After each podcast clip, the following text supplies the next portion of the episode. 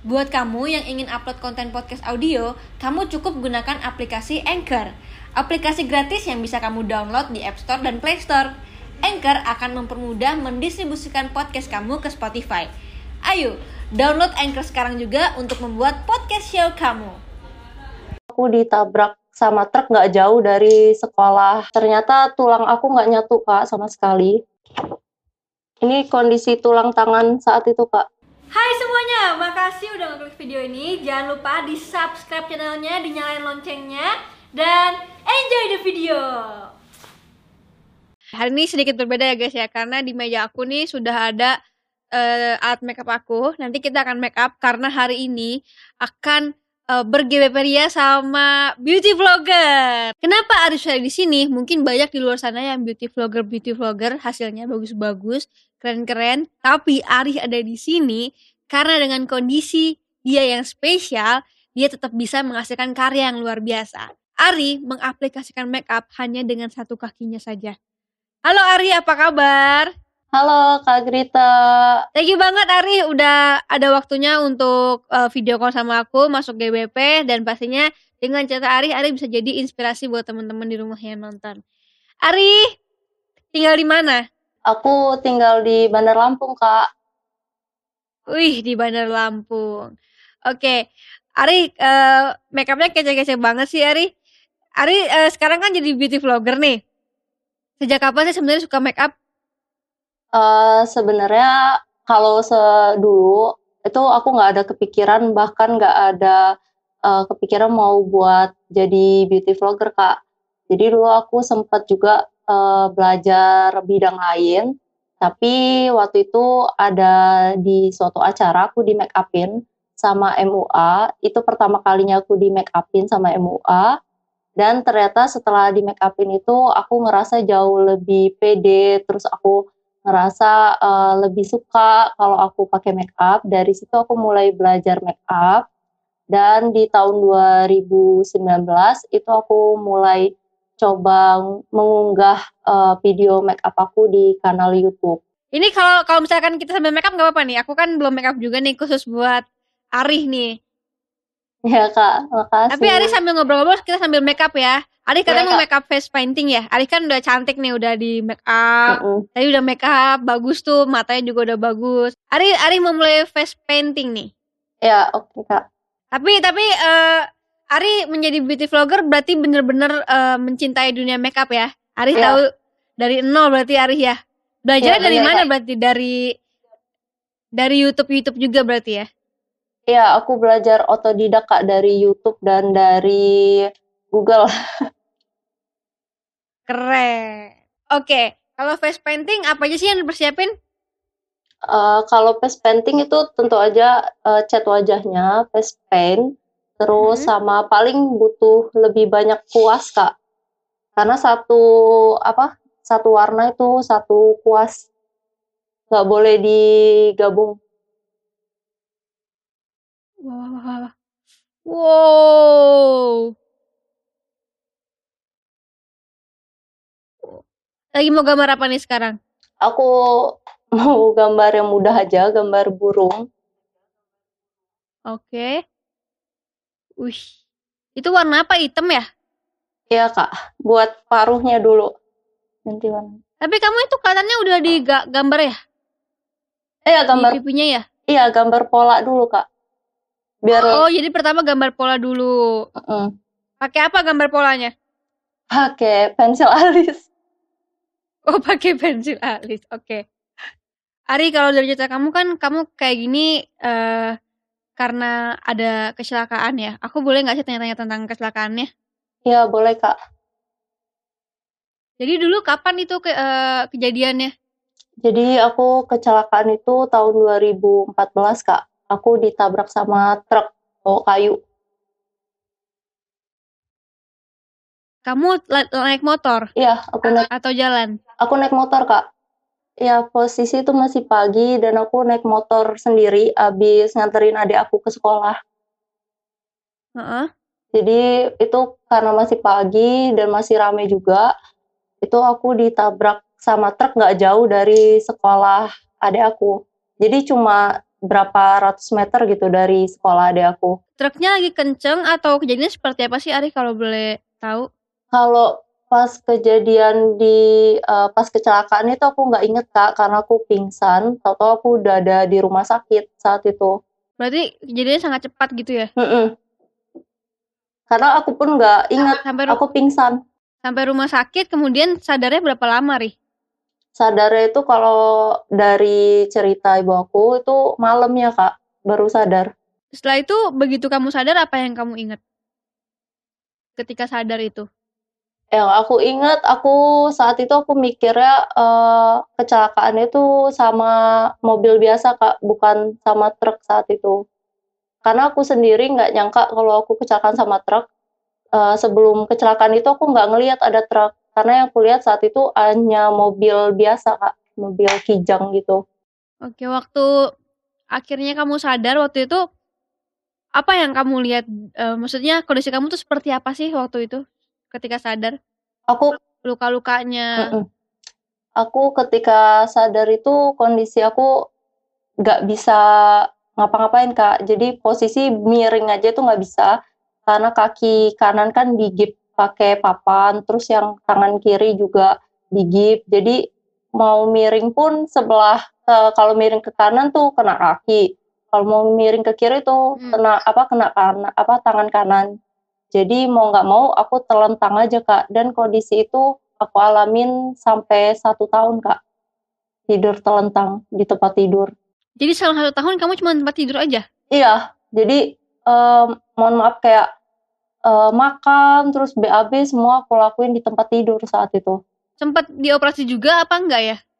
Sempet kak, uh, kalau dihitung sampai hari ini tuh aku ngalamin operasi udah lima kali, udah lima kali operasi. Uh. Oke. Boleh dijelasin nggak dari waktu, uh, di rumah sakit akhirnya sadar, terus apa ada ada tindakan-tindakan apa yang di uh, lakukan oleh dokter atau seperti apa sampai akhirnya Ari bisa sampai sekarang nih? Iya, jadi aku kecelakaan itu memang awalnya dibawa ke rumah sakit, Kak. Cuma yeah. salahnya saat itu aku pulang ke rumah dan lebih memilih pengobatan tradisional urut itu kak. Kalau di sini namanya sangkal putung. Tapi uh. ternyata uh, setelah tiga bulan tuh aku pakai pengobatan sangkal putung, ternyata tulang aku nggak nyatu kak sama sekali. Jadi kalau Kak Gerita mau tahu ini kondisi tulang aku saat itu. Ini kondisi tulang tangan saat itu kak, kelihatan nggak? Jadi guys tangannya ini uh, di sebelah sini ya, di sebelah sini. Iya. Oke, kelihatan. Uh. Uh, ini patah terus berkeping-keping ya? Uh, uh. Betul, Kak. Ini tangan kanan. Kalau yang itu kan tangan kiri, kalau yang tangan kanan itu aku yeah. lumpuh, Kak. Kanan aku. Lumpuh itu dari telapak tangan ke atas, Kak. Jadi dari telapak tangan ke atas tuh nggak ada kekuatan sama sekali. Bahkan untuk ngangkat pun nggak bisa. Di terapi pun nggak bisa ya? Aku uh, ikut fisioterapi juga dulu kak. Dan hasil ronsen itu hasil ronsen setelah aku uh, apa menjalani pengobatan tradisional selama tiga bulan. Dan hasilnya tetap sama kayak pertama kali aku kecelakaan. Dan karena ada beda sama sekali ya. Iya kak betul. Uh, terus karena aku ngejalanin pengobatan tradisional itu kan di kulit aku tuh ada luka kak karena waktu itu ngegerusuk apa bahasa ngegerusuk ya karena waktu itu aku uh, kena aspal, nah di situ ada luka. Ternyata luka aku juga saat itu nggak diobatin dengan baik, nggak ditangani dengan baik. Akhirnya luka itu itu jadi bernanah dan muncul ulet kecil gitu kak saat itu. Akhirnya uh, saat itu ibu aku memutuskan untuk langsung ke ortopedi, dokter ortopedi, dan memutuskan untuk berhenti dari pengobatan tradisional itu. Karena bukannya semakin membaik malah kondisi aku semakin buruk kak. Iya. Ya makanya di sini aku juga pengen bilang ke teman-teman semua mungkin ada yang ngalamin pengalaman kayak aku atau mungkin ada saudara dan tetangga hati-hati banget buat milih pengobatan tradisional karena itu kan cocok-cocokan juga ya kak Bener bener. Heeh. A sebenarnya ada juga yang memang dengan tradisional dia sembuh juga ada sebenarnya. Iya, heeh. Cuman ya, sebenarnya lebih baik kan memang di dokter dan setahu aku memang kalau kayak jatuh atau apa lebih baik jangan dipijit karena Mhm. takutnya bahkan kita nggak pernah tahu. Iya betul, Kak. Eee, jadi kemarin aku juga nyaranin ke beberapa orang kalau memang kondisinya itu udah parah kayak aku, itu sebaiknya Mhm. langsung ke dokter jangan ke tradisional, karena hasilnya bakal fatal kayak aku kalau sampai salah. Nah setelah akhirnya tiga tiga bulan nggak ada perubahan apa-apa akhirnya di ke dokter, setelah itu treatment-nya seperti apa, Ari? Ya, setelah itu aku mulai, eee, ngejalanin operasi, Kak, dan sampai hari ini aku udah 5 Mhm. kali operasi. Operasi yang terakhir itu kemarin aku sempet dapet musibah sebulan yang lalu, aku jatuh dan ternyata memang kalau kondisi kayak aku tuh rawan banget, Kak, buat jatuh. Jadi kemarin patah lagi dan dioperasi lagi. Jadi total tuh udah 5 kali operasi dan sampai saat ini juga perbannya belum dilepas. Waktu itu operasi pertama, eee, penyambungan tulang atau seperti apa? Pakai pen berarti ya? Iya, Kak, heeh. Yang operasi pertama itu kaki, itu pakai pen, terus, eee, yang kedua Heeh. itu tangan, tangan kanan itu di-pen seumur hidup. Nggak nggak boleh Heeh. dilepas. Eee, pokoknya dalam kemarin tuh, dalam 1 bulan tuh aku bisa 2 kali operasi. Saking banyaknya. Setelah di-pen harusnya, eee, lebih bisa berfungsi atau, gimana, Ari? Iya, Kak, karena kemarin tuh kondisinya juga, eee, sempet salah pengobatan, akhirnya, eee, siku aku tuh nggak bisa ini, Kak, nggak bisa, eee, nggak bisa nekuk. Jadi lurus aja gitu tangannya. Karena salah pengobatan kemarin. Oke, ini di tahun 2014 ya, udah 7 7 tahun tahun. lalu berarti ya? Iya, ini aku sambil make up ya, Kak? Boleh boleh. Wah, ini mau buat burung garuda nih kayak merah putih nih. Enggak. Wah, mantep. Kalau belajar face paint painting dari kapan, Ari? Eee, kalau aku belajar face painting baru setahun, eee, ke belakang, Kak. Kamu umur berapa sih, Ari? Aku umur 27, Kak. Oh, 27. Berarti waktu kecelakaan itu umur 20 tahun ya? Iya, waktu kecelakaan itu aku umur 20 tahun dan sekarang aku umur Oh. 27, jadi 7 tahun yang lalu. Oke, berarti sebenarnya kalau ya kita nggak bisa nyalahin, eee eee, sebelumnya ya, tapi sebenarnya kalau misalkan waktu itu langsung dioperasi nggak pengobatan, seharusnya bisa lebih baik, Ari? Iya, betul, Kak. Seharusnya bisa jauh lebih baik kondisinya daripada yang sekarang. Oke, Ari, eee, setahun kamu nggak bisa bangun dari tempat tidur. Maaf, sampai BAB, pipis, juga kamu di atas ranjang. Nah, gimana akhirnya kamu pelan-pelan bisa ngelakuin aktivitas dan bisa menggerakkan anggota tubuh kamu? Itu, eee, aku belajarnya pakai bantal ditumpuk-tumpuk, Kak. Jadi nggak bisa langsung duduk Oke. gitu. Heeh, karena kan di rumah itu nggak ada tempat tidur yang kayak kan kalau di rumah sakit kita bisa diputer ya, Kak, eee, ranjangnya. Mhm. Karena di rumah itu nggak ada Mhm. dan saat itu ranjang itu aku tanya harganya sekitar 5 jutaan, lumayan banget. Jadi, Mhm. eee, caranya di bantal tuh ditumpuk-tumpuk di belakang punggung aku. Sedikit Mmm. demi sedikit, eee, akhirnya aku belajar duduk. Nah, mulai dari belajar duduk itu aku udah mulai pindah belajar ke kursi roda. Aku pakai kursi roda itu Mhm. setahunan juga, Kak. Nah, dari situ mulai Mmm. belajar berdiri dan jalan. Berarti sekarang jalan udah bisa? Sekarang alhamdulillah jalan bisa, Kak. Ih, keren banget.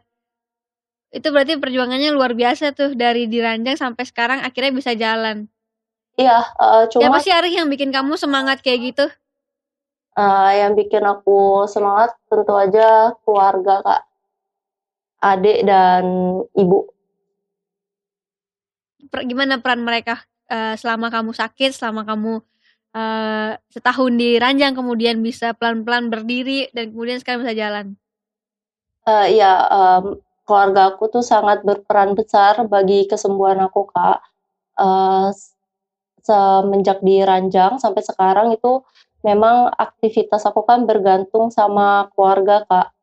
Jadi, eee, apa-apa mereka yang ngurusin, mereka yang bantu, dan mereka bener-bener support banget aku, Kak. Bahkan untuk nge-YouTube juga mereka, eee, dukung banget. Eee, Ari ini juga katanya sekarang punya online shop nih? Iya, Kak. Online shop apa, Ari? Aku, reseller sepatu gitu, Kak. Dijual lagi di sini. Wih, berarti katanya juga, eee, dari online shop ini Ari bisa membiayain adiknya sampai lulus sarjana, bener nggak? Iya, bener, Kak. Jadi, eee, aku mulai usaha itu karena saat itu kan, eee, kondisi keuangan keluarga terganggu. Kebetulan juga ayah aku dari 2003 udah meninggal, Kak. Jadi waktu itu, eee, penghasilan utama memang dari ibu dan, eee, ibu mau nggak mau saat itu harus berhenti dagang di eee, di di pasar karena penghasilan keluarga itu udah nggak ada lagi, akhirnya aku bikin all shop. Nah, dari all shop itu, Kak, aku bisa bantu keluarga dan juga bisa, eee, bantu sekolah adik sampai adik sarjana, Kak. Wih, keren. Itu udah keren banget sih bisa bisa nyekolahin adik sampai sarjana. Wah, eee, Ari, aku pengen tanya nih sama kamu. Beauty vlogger yang kamu senengin siapa sih yang jadi panutan kamu? Kalau, eee, beauty vlogger yang dari luar itu aku suka sama Sherina Nexty, James Charles, Mhm. juga ada Kim of Heeh. Makeup.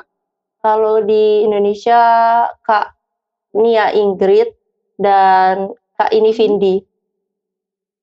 Wih, ini udah mau jadi nih painting-nya nih. Harusnya lomba painting ya sama aku. Oke, kenapa sih kamu memilih face painting? Eee, karena dulu aku sempet lihat, eee, beauty vlogger luar, ternyata, eee, Mhm. makeup itu nggak cuma makeup yang biasa aja, ternyata ada juga Mhm. eee, ternyata makeup itu bisa kita bisa ngelukis di atas wajah dan dari situ aku mulai tertarik karena aku orangnya itu suka tantangan, Kak. Jadi aku ngerasa kalau face painting ini bakal jadi hal baru buat aku dan ternyata aku suka sampai sekarang. Dan memang face painting ini ternyata jadi passion aku, Kak. Wih, kayaknya emang kamu memilih panutan dengan benar deh. Ini juga perlu digarisbawahin ya orang-orang kalau cari panutan yang benar, bener-bener bisa bikin kamu keluar dari zona nyaman nih kayaknya. Iya, karena dulu memang kan, eee, makeup aku biasa, maksudnya makeup yang kayak daily makeup. Kamu berarti belajar makeup waktu 2019 itu dari nol ya? Iya, dari bener-bener dari nol, Kak. Dari yang makeup biasa. Dari nol. Heeh. Dan itu juga Ber belajarnya berapa lama akhirnya kamu bisa mulus kayak gini, bisa ja sejago ini? Kalau untuk, eee, face paint baru setahun, Kak. Kalau yang ini, yang muka? Jadi setahun belajar Setahun juga? heeh, setahun belajar makeup biasa, setahun belajar face paint. Ini kamu belajar tiap hari ya, Ria? Bisa kayak begini setahun ya? Iya, heeh, belajar sehari itu selalu nyiapin waktu 3 sampai 4 jam buat belajar. Buset, itu tuh kalau namanya udah niat tuh pasti kita harus nyempetin waktu buat belajar.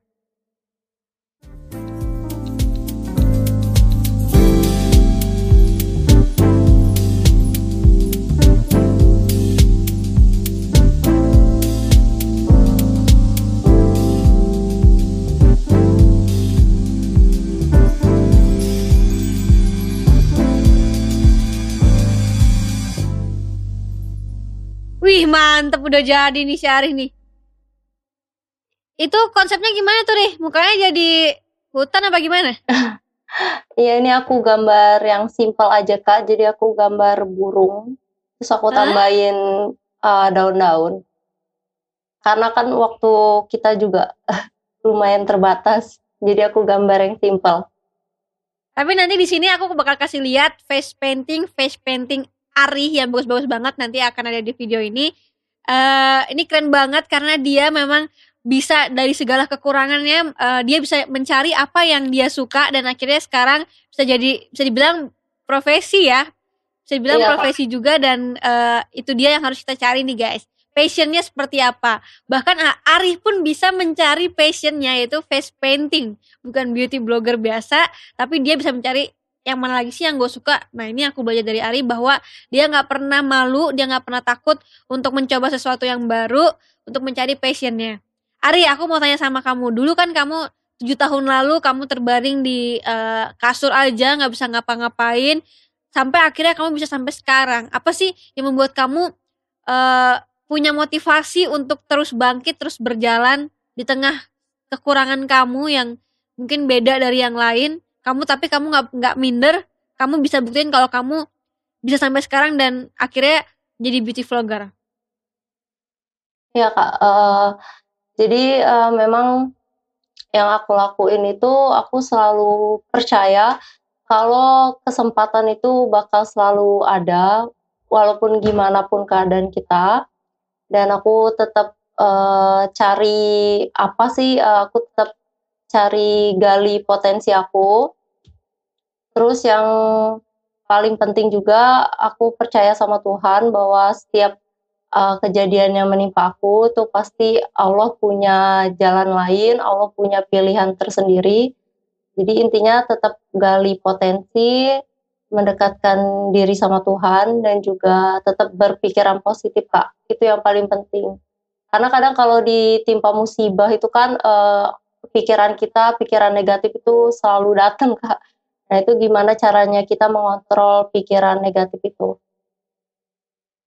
Pernah nggak sih kamu down sedown-downnya kamu? Uh, pernah Kak. Jadi, uh, abis aku kecelakaan saat itu, kan aku nggak bisa ngapa-ngapain selama 2 tahun ya, Kak. Nah, di situ juga aku nggak bisa kuliah, jadi kuliah aku terganggu dan juga aku kemarin sempat di DO atau aku mengundurkan diri, karena aku nggak bisa kuliah, Kak uh, saat itu aku cuma dikasih jatah 2 tahun, sementara 2 tahun itu aku masih pasca pemulihan. Jadi mau nggak mau aku akhirnya memutuskan untuk keluar dari kampus dan di situ aku bener-bener down banget karena aku udah sakit, aku nggak ada kegiatan sama sekali saat itu. Uh, jadi downnya di situ, Kak. Oke, tapi akhirnya kamu bisa bangkit lagi dan sampai sekarang. Ardi terima kasih banget udah jadi inspirasi dan motivasi juga buat teman-teman di rumah yang nonton nih. Jadi nggak ada alasan buat kalian tidak terus maju, tidak terus uh, berusaha, nggak ada um, cerita malas-malasan di usia muda karena setiap orang punya kesempatan yang sama. Dan uh, bagaimanapun kita ke depan itu pasti uh, adalah hasil dari kita masa lalu. Kita mau berjuang seperti apa sih untuk masa depan kita. Dan sebenarnya di usia kita yang sekarang, usia kita yang uh, 20-an sampai 30-an ini adalah usia-usia produktif yang harus digunakan sebaik mungkin. Ari terakhir mungkin mau pesan apa nih buat teman-teman yang lagi nonton di rumah? Ya, aku mau pesan buat teman-teman semua uh, jangan malu atau jangan minder dengan kekurangan yang ada di dalam diri kita, apalagi terutama teman-teman disabilitas. Uh, tetap semangat, jangan malu, dan pasti peluang atau kesempatan itu selalu ada. Yang penting kita tetap uh, belajar dan menggali potensi diri. Oke.